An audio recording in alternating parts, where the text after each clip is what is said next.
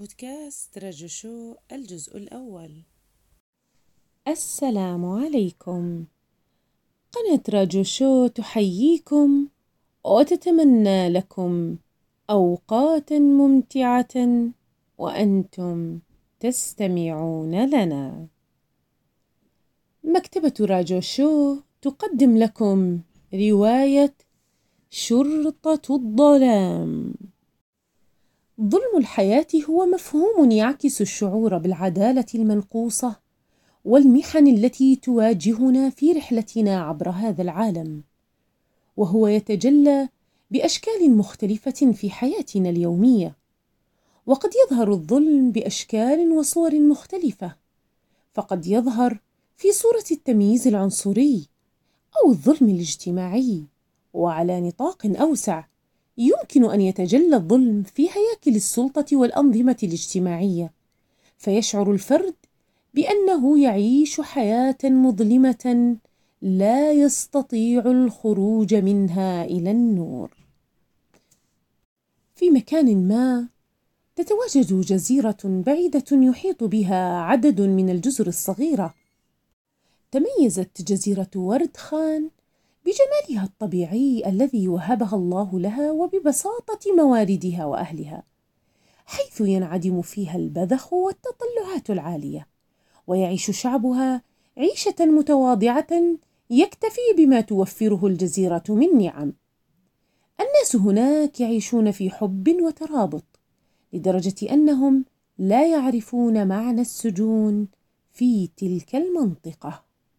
فالمذنب يعاقب بالتعزير والإهانة من أهل المجتمع ويعتذر عن فعلته ولا يعاود إلى ذلك مرة أخرى. فقد كانت عقوبة المقاطعة والاستنكار أشد قسوة من السجن نفسه. وإذا حدث وقام أحدهم بأفعال غاشمة عديدة فإنه يطرد من الجزيرة. وفي أحد الأيام هبطت على تلك الجزيرة مجموعة غريبة من الناس وكان عددهم لا يتجاوز العشرة رجال. فاستضافوهم أهل الجزيرة وأكرموهم وتعايشوا معهم بسلام وود. وأعجبتهم الصناعة الجديدة التي جلبوها معهم وهي صناعة الأسلحة. ومع مرور الوقت زاد عدد هذه المجموعة تدريجيا حيث قدم أصدقاء وأقارب لهم لزيارتهم. وسرعان ما انضم هؤلاء إليهم وعاشوا في الجزيرة.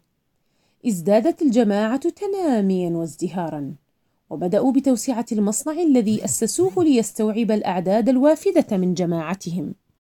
مع مرور الزمن ازدادت هذه المجموعة في عدد أفرادها حتى أصبحت تفوق ثلث سكان الجزيرة. فقاموا بإنشاء عشرة مصانع إضافية واستولوا على منطقة الجبل بأكملها ولم يقتصروا عند هذا الحد. بل احتلوا مناطق أخرى واسعة وبنوا حصنا ضخما للإقامة فيه برفاهية. مع استعمار هذه المناطق واستيلائهم على ثروات الجزيرة تمكنوا من استخدام قوتهم بفضل الأسلحة التي يمتلكونها. فقاموا بترهيب واضطهاد الناس وظلمهم بلا رحمة وأصبحوا يسيطرون على الجزيرة بسكانها ويجبرون السكان الأصليين على العمل لصالحهم وبأجور زهيدة. تدهورت الحالة الاقتصادية والاجتماعية للسكان الأصليين. في حين ازدادت الثروة وسلطة المجموعة المستعمرة. بدأت الاحتجاجات تندلع هنا وهناك لكن قوة المجموعة الاستعمارية وترسانتها العسكرية جعلت الأمور تتفاقم نحو الأسوأ. بهذه الطريقة تحولت المجموعة الأولية الصغيرة الواردة إلى الجزيرة إلى قوة استعمارية استبدادية. استغلت سكان الجزيرة وظلمتهم وحرمتهم من ثرواتهم الطبيعية. لم يكن هناك من يمكنه وقف هذه المجموعة المستبدة والمستعمرة. وأصبحت تلك المجموعة والتي تطلق على نفسها رجال الظلام تملك السلطة والقوة المطلقة في تلك الجزيرة. موت أمي ألقى بظلاله الحزينة على حياتي. ولم يكن هناك وقت للحزن فبعد ذلك بقليل توفي أيضا والدي وتركني وحيدة في هذا المنزل الكبير المظلم. ومنذ ثلاث سنوات فارقتني المربية التي رعتني منذ نعومة أظافري وتوفت إثر جلطة في الدماغ. والداي كانا عالمين في علم الفلك وأنا دوما كنت أرافق والدي إلى مرصده الرائع على قمة التل الجنوبي في بلدتنا الحزينة. هناك كان يقضي معظم وقته وفي كثير من الأوقات كان يضطر للمبيت لبضعة أيام في مرصده الذي كان يرصد حركات النجوم ومسارها. ويجمع البيانات ويسهر ليلتقط الصور. كانت تلك الأوقات مليئة بالبهجة والتعلم. وكان الباحثون الشباب يعاملونني بلطف ويقدمون لي البسكويت والشوكولاتة. أحن بشدة إلى تلك الأوقات ويتملكني شعور بالكآبة والحزن كلما نظرت تجاه مرصد أبي وأمي. والآن اختفى فجأة المرصد من أعلى التلة تماما واختفت كل الذكريات والمشاعر التي كنت أحملها. لم يبق شيء. كنت أتناول طعام الغداء وأشاهد التلفاز حين سمعت جرس الباب يرن بشكل ملح. شعرت بالرعب يسيطر علي فكان من الواضح أن الأمور أصبحت خطيرة. عندما فتحت الباب كانت شرطة الظلام والتي تتكون من ستة رجال. سألني رئيسهم بنبرة صارمة وكرر العبارة عدة مرات أين والدك؟ كتمت توتري وأجبتهم بهدوء توفي والدي منذ خمس سنوات. توجهوا نحو مكتب أبي. فتح أحدهم النوافذ التي ظلت مغلقة منذ وفاة والدي في حين كسر آخر أقفال الخزانة وأدراج المكتبة باستخدام أداة طويلة ودقيقة. وفي نفس الوقت انتشر باقي أعضاء الفرقة بحثا عن خزنة سرية. تفحصوا الجدران بحذر وتركيز. لقد كانوا متمرسين في عملهم. وكان صوت رمي الكتب والأوراق على الأرض كأنه صوت فرقعة في أذني. كانت كومة الأوراق التي تشكلت على الأرض تحمل كل أبحاث أبي التي تتعلق بالفلك والأرصاد.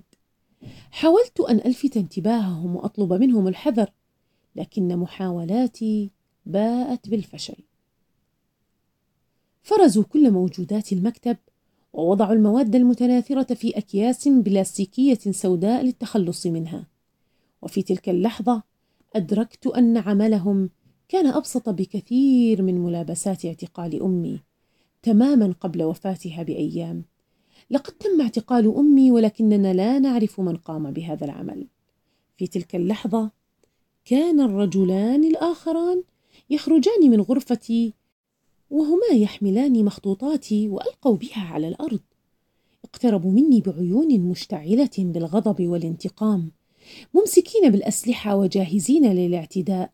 حاولت الهرب لكنهم أحاطوا بي وحاصرونني. ماذا تفعلين بهذا؟ سألني أحدهم بصوت بارد. كانت كلماتي تتعثر في فمي. لم يكن لدي أي تفسير مقنع لأنني كنت فقط كاتبة. أحاول الهروب من الواقع المرير والتحليق في عوالم الخيال. أنا لست مجرمة أنا كاتبة. صرخت بهمس ولكن صوتي تلاشى في صخبهم. أحدهم اقترب مني بشكل متوحش وأمسك بيدي بقوة. كان الرعب يتسلل إلى كل خلية في جسدي وكانت أنفاسي تتلاشى تحت ضغط الخوف. سوف تدفعين ثمن كل كلمة كتبتها. همس الشرطي في أذني بنبرة تهديدية. تجمدت في مكاني وعيناي امتلأت بالدموع. لم أكن أعرف ماذا سيحدث لي ولكن كان واضحا أنني أصبحت فريسة لهم. ضحية لرواياتي التي أطلقتها في عالم خيالي. سمعت صوت صرير أحذيتهم وهي تغادر المكان. فتحت عيني المغمضتين وركضت وراءهم أغلق الباب واستسلمت للبكاء. مكان عملي كان غرفة أبي سابقا واليوم أعيش من خلال رواياتي التي نشرت خمسة منها حتى الآن. كتابة الروايات هي المهنة الأكثر كآبة وعزلة وتتميز رواياتي بأنها غامضة وحزينة وهذا النوع من القصص يحظى بإعجاب الجميع في بلدتنا. لكني أعلم أنه سينتهي بها المطاف في القمامة. في كل مساء أخرج لأتنزه لمدة ساعة تقريبا. أمشي على طول الطريق الساحلي حتى أصل إلى الرصيف حيث ترسو العبارة المهجورة في الميناء. العبارة التي اكتسحتها الصدأ. واختفى الميناء من هناك كما اختفى العديد من الأشياء الأخرى من جزيرتنا. ثم أستكمل طريقي وأتوجه نحو التل الذي يخترق مرصد الفلك. أحد زملاء والدتي القدامى كان يعمل في السابق ميكانيكيا على العبارة ولكن بعد اختفاء المراكب أصبح حارسا في إحدى المستودعات. الآن هو يعيش وحده على متن العبارة والجميع ينادونه بالجد. فهو رجل كبير في السن وشخص رحيم يحب الجميع ويساعد كل من يحتاج إلى مساعدة في حل مشكلته. وأثناء نزهتي كنت أتوقف عنده لأطمئن عليه. ذهبت إلى دار النشر التي أودعت رواياتي عندها لنشرها وعندما نزلت من الحافلة رأيت ثلاث سيارات تتوقف أمام عمارة متعددة الاستخدامات تحتوي على عيادة طبيب أسنان وشركة تأمين واستديو صغير. للتصوير. ودخل سبعة أفراد من شرطة الظلام المبنى بخطى سريعة. الجميع كان يرتجف ويتمنى أن تنتهي الأمور, بس الأمور بسرعة قبل أن تطالهم تداعياتهم. ضممت أوراقي إلى صدري ووقفت جامدة بجانب الحائط. دون أن أنتبه إلى أن أوراقي قد تكرمشت تماما. قام أفراد الشرطة بإخراج المعتقلين واحدا تلو الآخر ووضعوهم في شاحنة الشرطة. كان هناك رجل في منتصف العمر وامرأة في الأربعينات وشاب. كانوا يحملون أسلحة موجهة نحوهم ونحو وجوههم المليئة بالشر. أخبرت جمال عما حدث في طريقي إلى هنا. وكان جمال يعلم بتكرار مثل هذه الأحداث وقال لقد عجزنا عن فعل أي شيء في ذلك. أدركت أن الأمر قد تجاوز الحدود بكثير. إذ كانوا يقتحمون البيوت في الليل ويعتقلون شخصا أو اثنين لكنهم الآن يقتحمون البيوت ويعتقلون مجموعات من الأشخاص وفي وضح النهار. قال جمال من الأفضل عدم الخوض علانية في مثل هذه الأمور الحساسة. فقد يكون بعض رجال الظلام متنكرون بزي مدني. أجبته قائلة نعم. وأيضا هناك شائعات تشير إلى أنه يمكن اكتشاف هؤلاء المنظمين السريين عن طريق تحليل جيناتهم. فقال جمال تقصدين تحليل جينات الأشخاص؟ أجبت نعم. فمن السهل أخذ فنجان واستخلاص اللعاب منه. ثم تحليل الجينات لمعرفة مكان وجودهم. هم يتبعوننا في كل مكان. ثم سألني جمال هل تظنين أن أمك قد قتلت بعد أن اعتقلتها شرطة الظلام؟ أجبته بحذر. بالتأكيد لقد تحروا عنها وكانت موضوعا للبحث. سأل جمال هل ما يزال الكثير من أعمال والدتك؟ رددت كلا. لم يبق منها إلا القليل. أظن أنها لم تكن تحب كثيرا الاحتفاظ بأعمالها إلى الأبد. أظنها قد رتبت كل شيء بعناية حين أخطرت باستدعاء شرطة الظلام. شعرت مجددا بالقلق وهمست في نفسي ترى لو قمعوا الكلمات ماذا سأكتب؟ وكأن جمال قد فهم ما يدور في خاطري فتابع معقبا. على كل حال تبقى المكتبة العتيقة هي الشيء الوحيد الذي يبقى في هذه الجزيرة. متشبثا بهويته. حبست نفسي في البيت مستغرقة في كتابة روايتي السادسة وشعور ينتابني بأنها ستصبح مأساوية. كنت غارقة في الكتابة حتى إنني لم أنتبه بأن الساعة تجاوزت الواحدة بعد منتصف الليل. توقفت فجأة عن الكتابة عندما شعرت بصوت يدق بتواتر ركزت انتباهي على مصدر الصوت وأدركت أنه يأتي من القبر. سألت بحذر من هناك؟ فأجابني اعذريني على طرق بابك في هذا الوقت المتأخر.